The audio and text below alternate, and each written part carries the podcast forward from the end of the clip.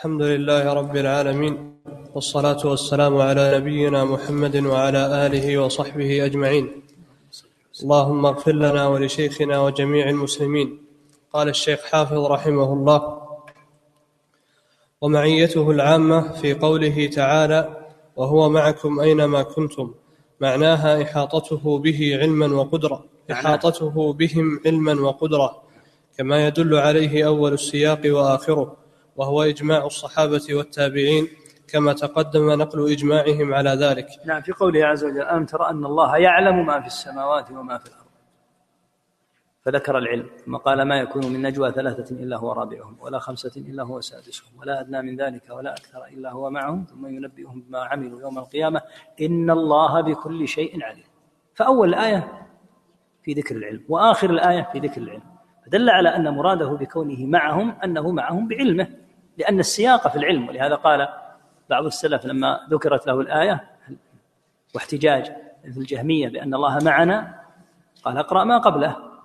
ما السياق الذي ذكر فيه قوله وهو معكم العلم. ألم ترى أن الله يعلم؟ ثم ختمه بقوله إن الله بكل شيء عليم فالسياق متعلق بالعلم فهو معنا سبحانه وتعالى بعلمه. فمعيته نوعان. معية إحاطة فهذه تشمل الجميع من مسلم وكافر وهناك معية خاصة وهي معية النصرة والتأييد فهذه لأنبياء الله وأتباعهم على بصيرة نعم. وأما معيته الخاصة لأحبابه وأوليائه فتلك غير المعية العامة فهو معهم بالإعانة والرعاية والكفاية والنصر والتأييد والهداية والتوفيق والتسديد وغير ذلك مما تجفو عبارة المخلوق عنه. ويقصر تعريفه دونه. وكفاك قول الله عز وجل فيما رواه عنه نبيه صلى الله عليه وسلم إذ يقول ولا يزال عبدي يتقرب إلي بالنوافل حتى أحبه فإذا أحببته كنت سمعه الذي يسمع به وبصره الذي يبصر وبصره الذي يبصر به ويده التي يبطش بها ورجله التي يمشي بها وفي بعض الروايات وقلبه الذي يعقل به ولسانه الذي ينطق به وليس معنى ذلك أن يكون جوارح للعبد. تعالى الله عن ذلك علوا كبيرا. وإنما المراد أن من اجتهد بالتقرب إلى الله عز وجل بالفرائض ثم بالنوافل قربه إليه ورقاه من درجة الإيمان إلى درجة الإحسان فيصير يعبد الله على الحضور والمراقبة كأنه يراه. فيمتلئ قلبه بمعرفة الله تعالى ومحبته وعظمته وخوفه ومهابته وإجلاله والأنس به والشوق إليه حتى يصير هذا الذي في قلبه من المعرفة مشاهدا له بعين البصيرة.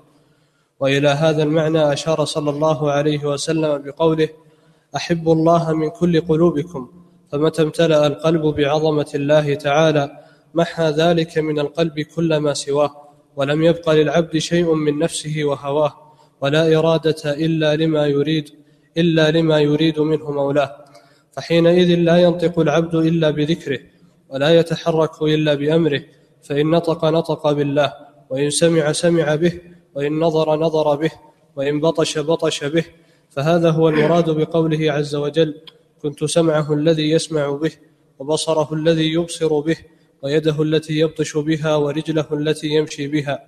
ومن أشار إلى غير هذا فإنما يشير إلى الإلحاد من الحلول والاتحاد. والله ورسوله بريئان منه. الحديث واضح معناه إن الله تعالى من معيته العظيمة أنه يسدد العبد. يقول سبحانه وتعالى من عادى لي وليا بارزته ومن عادى لي وليا فقد آذنته بالمحاربة. ولا يزال عبدي يتقرب إلي بالنوافل حتى أحبه. فإذا أحببته كنت سمعه الذي يسمع به وبصره الذي يبصر به الحديث. وفي رواية الطبراني في المعجم وقلبه الذي يعقل به ولسانه الذي ينطق به. واضح الحديث مدلوله تماما أن الله تعالى يوفق العبد ويسدده. وليس المراد أن الله يكون رجلا للعبد يمشي بها ويطأ بها. هذا لا يفهمه أغبى وأبلد الناس. لا يمكن أن يفهم هذا الحد على هذا الأساس. وليس هذا هو المراد قطعا. وإنما يقول مثل هذا زنادقة القائلين بالاتحاد من هؤلاء الذين وصلوا في كفرهم إلى أقصاه وأشده. وإنما المقصود أن الله تعالى يوفقه. فتجد العبد إذا وفقه الله وأكرمه وأعانه يوفق في سمعه وفي بصره وفيما يتناول بيده وفيما يذهب به في مشيه وسعيه. فرب العالمين يوفقه ويعينه ويسدده في هذا. ولهذا تجد المؤمن إذا وقعت عينه على منظر مما حرم الله عز وجل وقد تشتهيه النفوس تجد أنه ينفر من ذلك ويبغضه مع أن النفوس عادة تألف. نفوس الغافلة تألف مثل هذا المنظر بل وتتطلع له وتحاول الوصول إليه.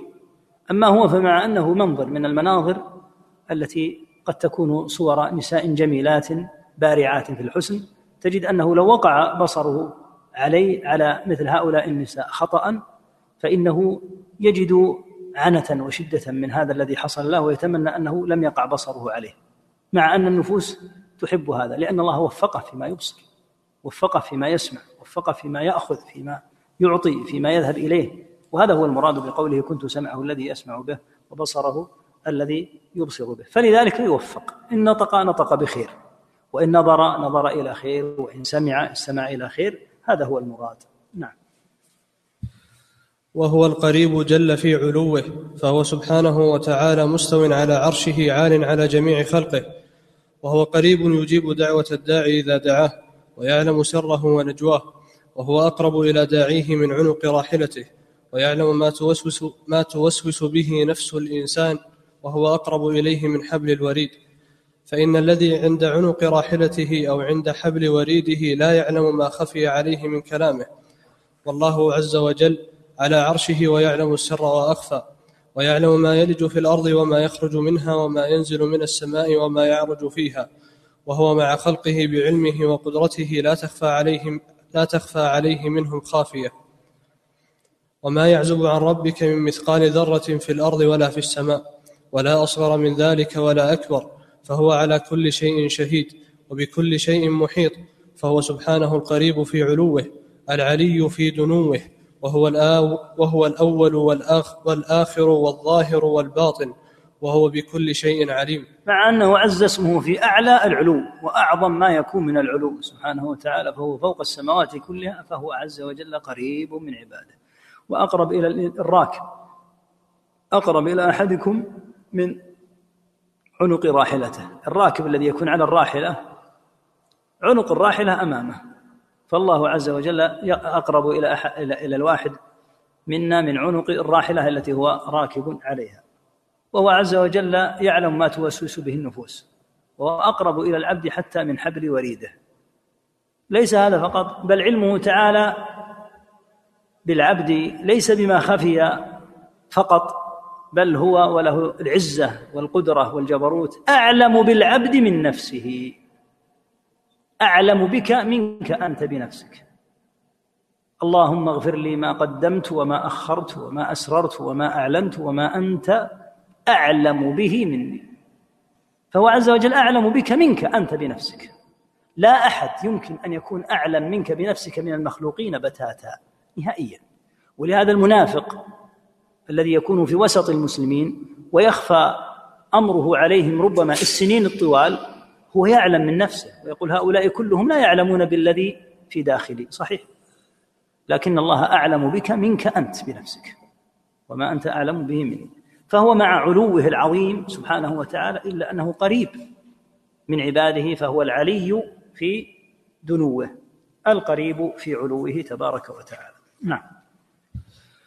حي وقيوم فلا ينام وجل أن يشبهه الأنام. لا تبلغ الأوهام كنه ذاته ولا يكيف الحجى صفاته حي لا يموت كما قال تعالى وتوكل على الحي الذي لا يموت وقال تعالى هو الحي لا إله إلا هو فادعوه مخلصين له الدين فهو الحي الذي لم تسبق حياته بالعدم ولم تعقب بالفناء. هو الأول فليس قبله شيء والآخر فليس بعده شيء. وفي الصحيحين عن ابن عباس رضي الله عنهما أن النبي صلى الله عليه وسلم كان يقول أعوذ بعزتك الذي لا إله إلا أنت الذي لا يموت. كذا عندك؟ الذي؟ لا. ما فيه الحي. لا. أضف الحي اللي في الصحيحين. أعوذ بعزتك الذي لا إله إلا أنت الحي الذي لا يموت. صلى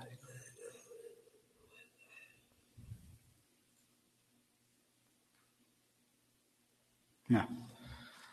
أعوذ بعزتك الذي لا إله إلا أنت الحي الذي لا يموت والجن والإنس يموتون. هذا يحتاج إلى شيء من الإطالة والتنبيه لطالب العلم على أمر عظيم جدا في باب الصفات لا ينبغي أن يفوته. لما ذكر الله تعالى حياته قال وتوكل على الحي الذي لا يموت قوله تعالى الذي لا يموت فيه فائدة كبيرة جدا. تبين لك أن صفات الله تعالى تليق به ولا تشبه صفات المخلوقين لأن هناك أحياء. كما أن الله تعالى حي فالمخلوق حي. لكن قوله هنا الذي لا يموت فيه هذا التنبيه إلى هذه القاعدة العظيمة في مسألة الصفات وهو أن صفات الله تعالى تليق به لا تشبه صفات خلقه سبحانه. فالخلق يوصفون بالحياة لكن حياتهم مسبوقة بعدم ومتبوعة بفناء يقول تعالى هل أتى على الإنسان حين من الدهر لم يكن شيئا مذكورا؟ قال تعالى وقد خلقتك من قبل ولم تك شيئا. فلم يكن الإنسان شيئا فكان. حياة العباد متبوعة بالفناء قال تعالى كل من عليها فان ويبقى وجه ربك ذو الجلال والإكرام. أما حياة الله فلم تسبق بعدم إذ هو الأول وليس قبله شيء. وكذلك حياته تبارك وتعالى لا يتبعها فناء فلا تقاس حياة الله بحياة خلقه. فلذلك قال الحي الذي لا يموت. هذا موضع مهم لطالب العلم وهو التنبه إلى النصوص الدالة على استحالة قياس صفات الله تعالى وأسمائه على صفات وأسماء خلقه. فمن ذلك هذه الآية. وتوكل على الحي. يقول العبد يا ربي وأنا حي. يقال أنت حي تموت. وأنت حي لم تكن فكونك الله. أما الله فهو الحي الذي لا يموت وهو الحي الذي هو الأول الذي لم يسبق سبحانه وتعالى بعدم. ومن النصوص التي تستحضر في هذا قوله صلى الله عليه وسلم إن الله ينادي بصوت يسمعه من بعد كما يسمعه من قرب. فنحن نثبت للرب تعالى الكلام والنداء والصوت لكن لا نمثل ذلك بشيء من صفات خلقه. فإن صوت المخلوق لا يمكن أن يسمعه البعيد كما يسمعه القريب. أنت تعرف أن النائي البعيد عنك لا يسمع ما تقول والقريب يسمع منك بوضوح والذي في الوسط بين ذلك. الله تعالى ينادي في القيامة عز اسمه بصوت يسمعه من بعد ممن هو في آخر الموجودين كما يسمعه من قرب على حد واحد. هكذا لأن صفات الله لا تقاس. فلله الصوت لكن ليس كصوت المخلوق. لأن صوت المخلوق له مدى وينقطع. أما صوت الله فيسمعه الذي بعد ونأى, كما يسمعه الذي قرب. وهكذا العلم. نثبت لله العلم. وأيضا للخلق علم. نقول نعم للخلق علم لكن قال الله تعالى وما أوتيتم من العلم إلا قليلا. ولما ذكر تبارك وتعالى عنده قال علمه قال وعنده مفاتح الغيب لا يعلمها إلا هو ويعلم ما في البر والبحر وما تسقط من ورقة إلا يعلمها ولا حبة في ظلمات الأرض ولا رطب ولا يابس إلا في كتاب مبين. وما يعزب عن ربك من مثقال ذرة في السماوات ولا في الأرض ولا أصغر من ذلك ولا أكبر إلا في كتاب مبين. حتى الذرة حتى ما هو أصغر من الذرة لا يعزب عن علم الله. فدل على أن نثبت لله تعالى الاسم والوصف على حال يليق بالله عز وجل. ونثبت الوصف والاسم للمخلوق على حال يليق بالمخلوق ضعفا وافتقارا. ونثبت للخالق عز وجل الاسم والوصف عظمة واستغناء. فما أعظم الفرق الهائل بين اسم الخالق واسم المخلوق ووصف الخالق ووصف المخلوق؟ لا يسوي بينهما ولا يلتبسان إلا على أجهل الناس وأبعدهم عن الله تعالى. يتفطن طالب العلم ويهتم للنصوص التي تدل على ثبوت الاسم لله والاسم للمخلوق مع استحالة قياس هذا الاسم على هذا الاسم. هذه النصوص مهمة. وتوكل على الحي الذي لا يموت. وهذا لا يمكن أن يكون في المخلوق. المخلوق يموت. ينادي بصوت يسمعه من قرب من بعد كما يسمعه من قرب. هذا لا يمكن أن يقاس على وصف المخلوق. وهكذا العلم. وما أوتيتم من العلم إلا قليلا. أما علم الله تعالى فكما ذكرنا لك في الآية وهكذا. وبذلك يعرف طالب العلم أن وصف الله يستحيل أن يكون كوصف المخلوق وأن وصف الله يليق به وأن أي أمر يورد على أسماء الله أو على صفات الله عز وجل فإنه لا يرد بتاتا. لما؟ لأن المخلوق إذا أورد على اسم الله أو على صفته تعالى شيئا من النقائص يقال هذا يرد على اسمك أنت أيها الناقص وعلى وصفك. على المخلوق.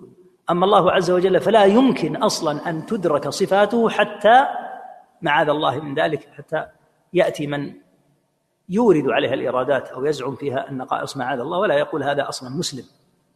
إذا فوصف الله يليق به فمهما قيل من قبل المعتزلة وأضرابهم وخلفائهم إنه يلزم من التسمية بسم الله كذا أو من الوصف يلزم منه نقائص وقال نقائص هذه إذا صح أن ثمة نقصا يلزم على هذا الاسم فإنه يتعلق بالمخلوق. أما الله عز وجل فكما علمنا من هذه النصوص فهي نصوص جديرة بالجمع الحقيقة. النصوص هذه جديرة بالجمع وأن تفرد ويكتب فيها كتاب حتى تخرج للناس ويبين أن الاسم والوصف متعلقان بالله متعلقين بالله عز وجل لا يمكن أن يقاس على على ما يكون فيه التسمية والوصف من قبل المخلوق. نعم. وقيوم فهو القيوم بنفسه القيم لغيره فجميع الموجودات مفتقرة إليه وهو غني عنها ولا قوام لها إلا به ولا قوام لها بدون أمره. كما قال تعالى ومن آياته أن تقوم السماء والأرض بأمره وهو القائم على كل شيء والقائم بجميع أمور عباده والقائم على كل نفس بما كسبت وفي الصحيحين من دعائه صلى الله عليه وسلم في صلاة الليل اللهم لك الحمد أنت رب, رب السماوات والأرض ولك الحمد أنت قيم السماوات والأرض ومن فيهن ولك الحمد أنت نور السماوات والأرض. الحديث وقد جمع تعالى بين هذين الاسمين الحي القيوم في ثلاثة مواضع من كتابه. الأول آية الكرسي من سورة البقرة الله, لل... الله لا إله إلا هو الحي القيوم لا تأخذه سنة ولا نوم له ما في السماوات وما في الأرض. من ذا الذي يشفع عنده إلا بإذنه يعلم ما بين أيديهم وما خلفهم ولا يحيطون بشيء من علمه إلا بما شاء وسع كرسيه السماوات والأرض ولا يؤوده حفظهما وهو العلي العظيم. الثاني أول سورة آل عمران ألف لام ميم الله لا إله إلا هو الحي القيوم. الثالث في سورة طه وعنت الوجوه للحي القيوم وقد خاب من حمل ظلما. وروى ابن مردويه عن أبي أمامة مرفوعا. قال اسم الله قال اسم الله الأعظم الذي إذا دعي به أجاب في ثلاث سور سورة البقرة وآل عمران وطه. فلا ينام أي لا يعتريه نقص ولا غفلة ولا ذهول عن خلقه فإن ذلك نقص في حياته وقيوميته. ولهذا أردف هذين الاسمين بنفي السنة والنوم. فقال الله لا إله إلا هو الحي القيوم لا تأخذه سنة ولا نوم. أي لا تغلبه سنة وهو الوسن والنعاس ولا نوم ونفيه من باب أولى لأنه أقوى من السنة بل هو قائم على كل نفس بما كسبت شهيد على كل شيء ولا يغيب عنه شيء ولا تخفى عليه خافية. وفي الصحيحين عن أبي موسى رضي الله عنه قال قام فينا رسول الله صلى الله عليه وسلم بأربع كلمات فقال إن الله لا ينام ولا ينبغي له أن ينام يخفض القسط ويرفعه. يرفع إليه عمل الليل. يرفع. يرفع. إليه عمل الليل قبل عمل النهار وعمل النهار قبل عمل الليل حجابه النور أو النار. لو كشفه لاحرقت سبحات وجهه ما انتهى إليه بصره من خلقه. القيوم من أسماء الله عز وجل على وزن الفعول وجاء أيضا باسم القيام على وزن الفعال. قيام السماوات والأرض. ما المراد بالقيوم؟ هو قيوم بنفسه وهو الذي أقام غيره سبحانه وتعالى. فجميع الموجودات مفتقرة إليه لا, لا يمكن أن تقوم إلا بالله عز وجل وهو غني عنها سبحانه وبحمده.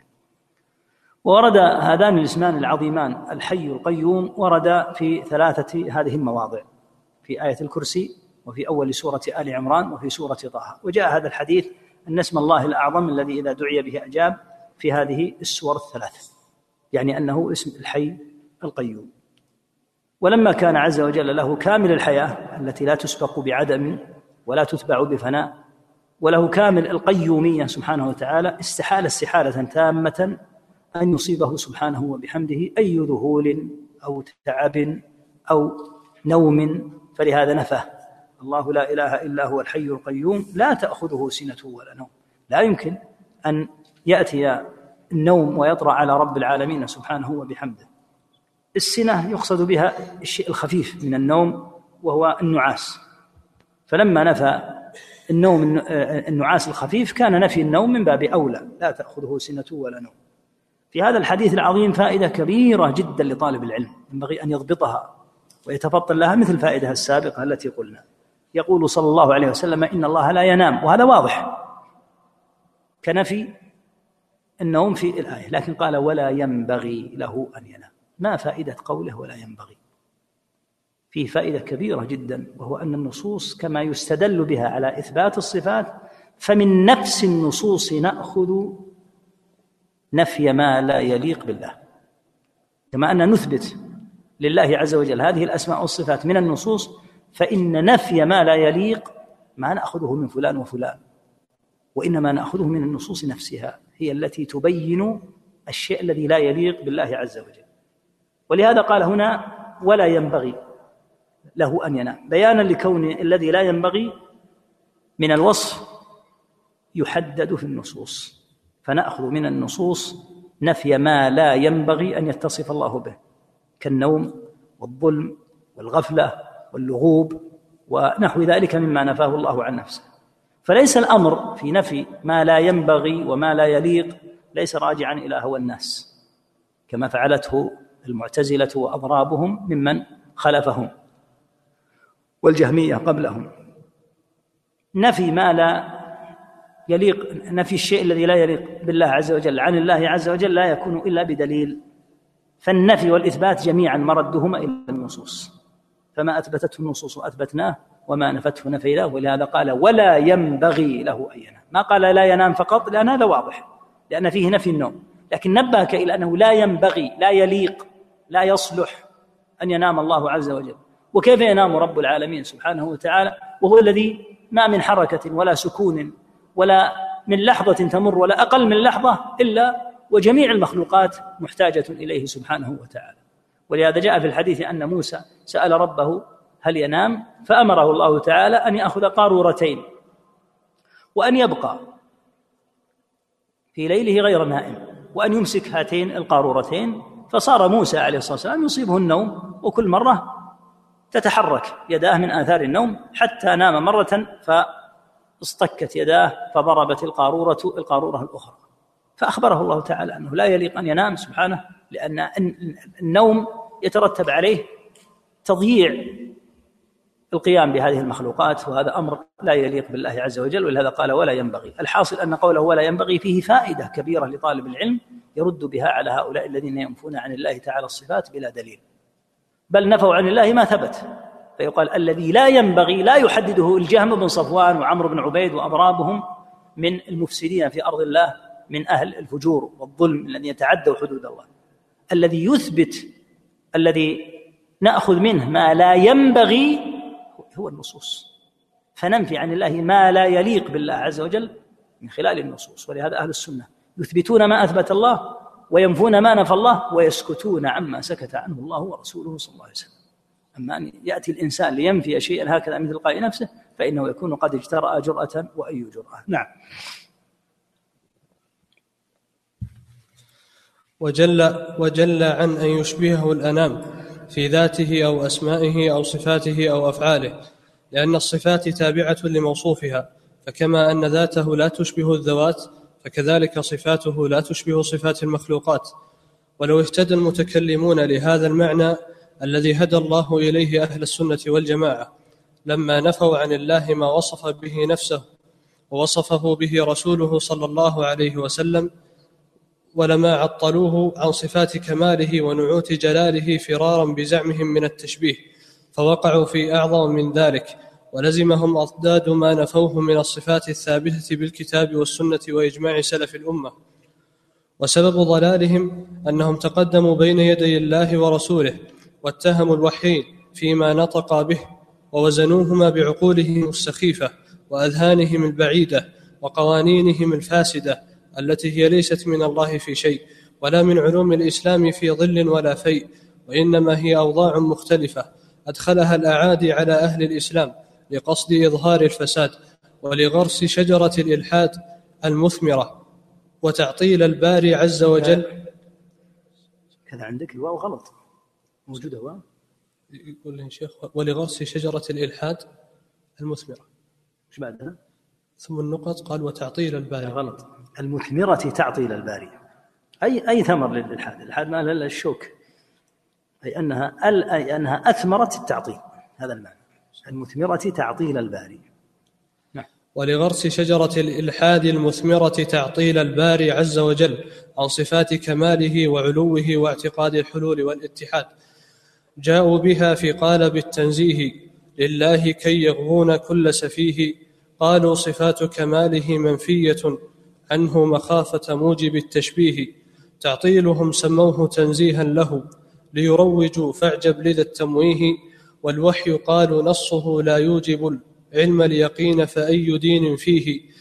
ما الدين إلا ما عن اليونان قد جئنا به طوبى لمن يحويه نبذوا كتاب الله خلف ظهورهم وبقوا حيارى في ضلال التيه. فسموا, فسموا النور الذي أنزله الله عز وجل على رسوله صلى الله عليه وسلم تفصيل كل شيء وتبيانا لكل شيء ولم يفرط فيه من شيء وبيان النبي صلى الله عليه وسلم وبيان النبي صلى الله عليه وسلم من جوامع كلمه التي اختص الله بها. التي؟ التي اختص الله بها. اختصه.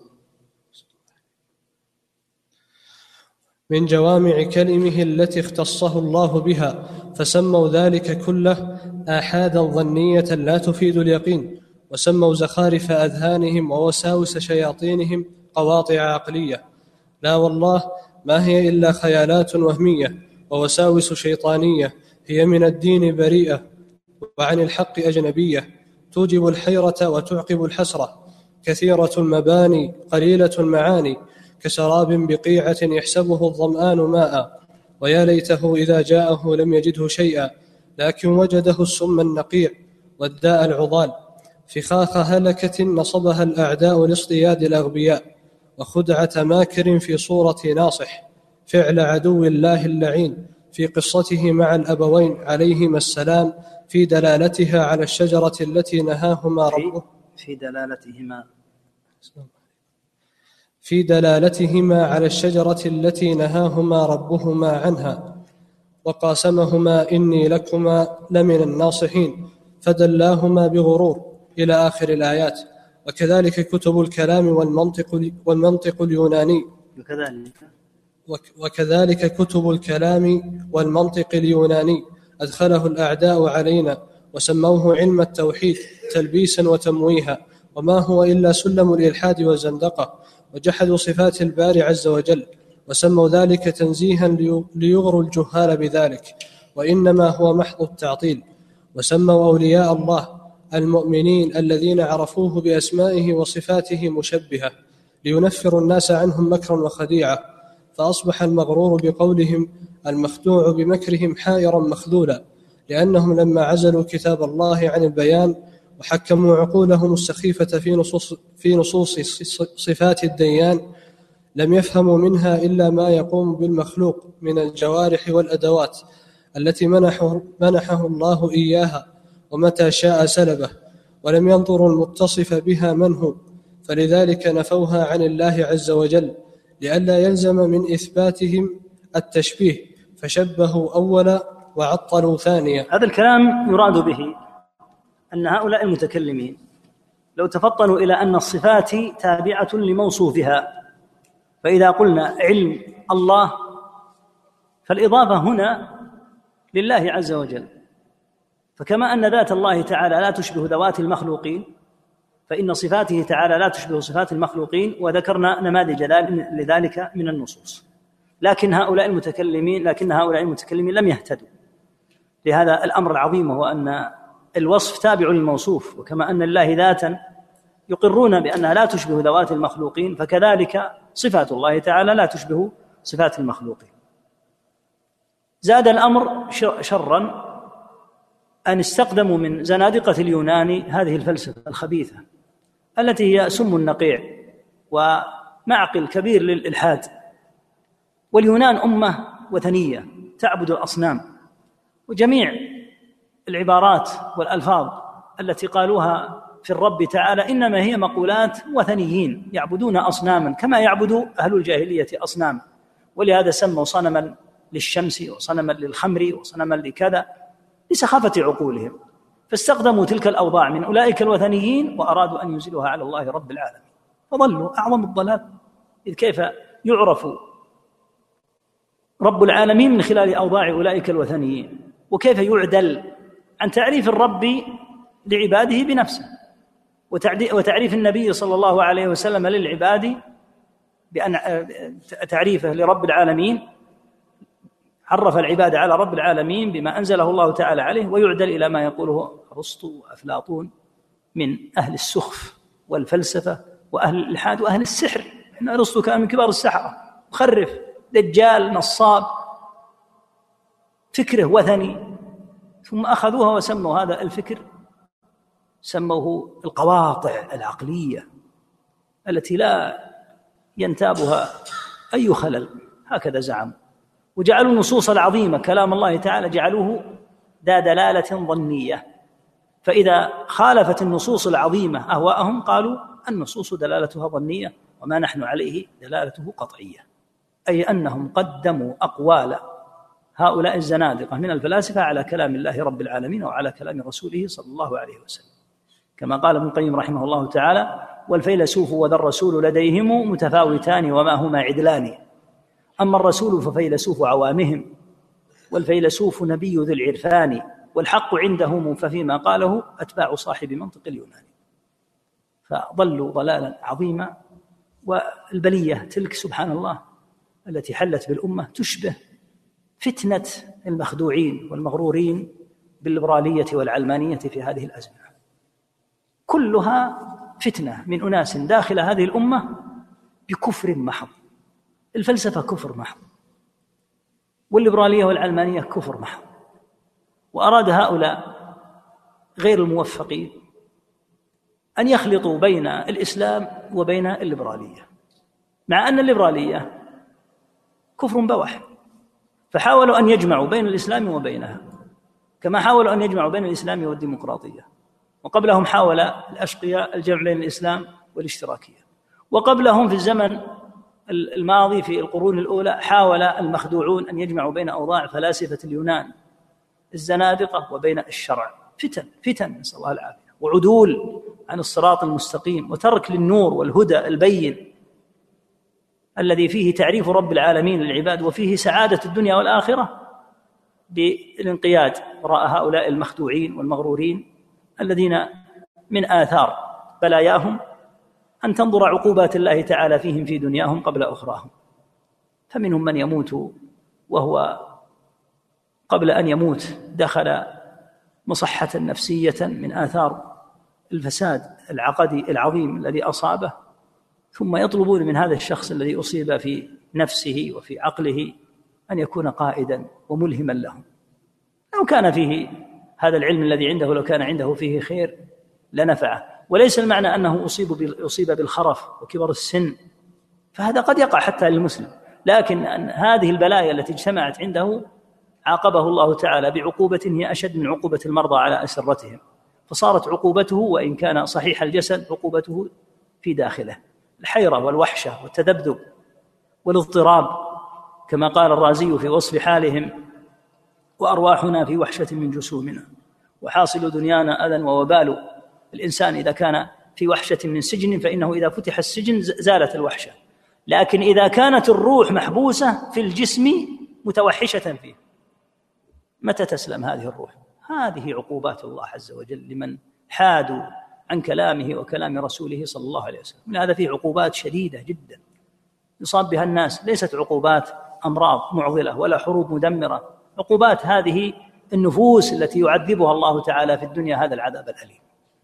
الذين صدوا عن هذا النور والشفاء والرحمة إلى تلك الأوضاع الضالة المضلة فأصيبوا بالحيرة. ولهذا ذكر أهل العلم من حيرتهم شيئا عجيبا. ذكر الشيخ رحمه الله تعالى أن هؤلاء حكموا هذه العقول في هذه الصفات فجعلوا الوصف اللائق بالله عز وجل جعلوه غير لائق لما؟ لأنهم لم يعرفوا من وصف الله العظيم إلا الوصف اللائق بالمخلوق. فقاسوا وصف الرب على المخلوق. ولهذا لا يوجد معطل من المعتزلة أو الأشعرية أو الماتريدية أو الجهمية إلا وهو قبل تعطيله مشبه. فكل معطل هذه قاعدة كل معطل فهو مشبه. ما معنى ذلك؟ لما سمع قوله تعالى الرحمن على العرش استوى الذي تمدح الله به في سبع آيات من القرآن لائقا بجلال الله عز وجل وعظمته لم يفهم من استواء الله الغني المتعالي إلا استواء المخلوق على هذا الكرسي. هذا الاستواء لو أنه سحب الكرسي من المخلوق لسقط. فقال إذا الاستواء حاجة. والله عز وجل لا يليق أن يحتاج إلى العرش بناء عليه نفى الاستواء. يقال هذا لأنك ظننت أن استواء الرب الذي العرش وجميع المخلوقات محتاجة إلى رب العالمين والله غني عن العرش وما دونه ظننت أن استواء الله عز وجل على العرش استواء افتقار إلى العرش كافتقارنا نحن إذا جلسنا واستوينا على الكراسي. فشبهت أنت أولا. فلما شبهت وجعلت وصف الله بالموضع غير اللائق عطلت ثانيا. ولهذا عندنا قاعدة كل معطل مشبه. وهكذا أيضا كل مشبه معطل. لما؟ لأن المشبه عطل الوصف اللائق بالله وشبه الرب سبحانه وتعالى بالمخلوق. أما السني فلم يعطل ولم يشبه. عنده قاعدة كل وصف لله عز وجل فهو لائق بالله. فعلمه كما قلنا كما ذكر. وعنده مفاتح الغيب لا يعلمها إلا هو ويعلم ما في البر والبحر إلى آخر الآية. وصوته الذي ينادي به في القيامة ليس كصوت المخلوقين ينادي بصوت يسمعه من بعد كما يسمعه من قرب إذا لا يوصف لا يقاس. لا يقاس وصف الله تعالى على وصف المخلوق. هم ماذا فعلوا جميعا؟ قاسوا وصف الرب العلي العظيم الغني على وصف المخلوق الفقير الفاني فوقعوا في التشبيه ووقعوا في التعطيل. أما أهل السنة فسلمهم الله تعالى من ذلك. نعم.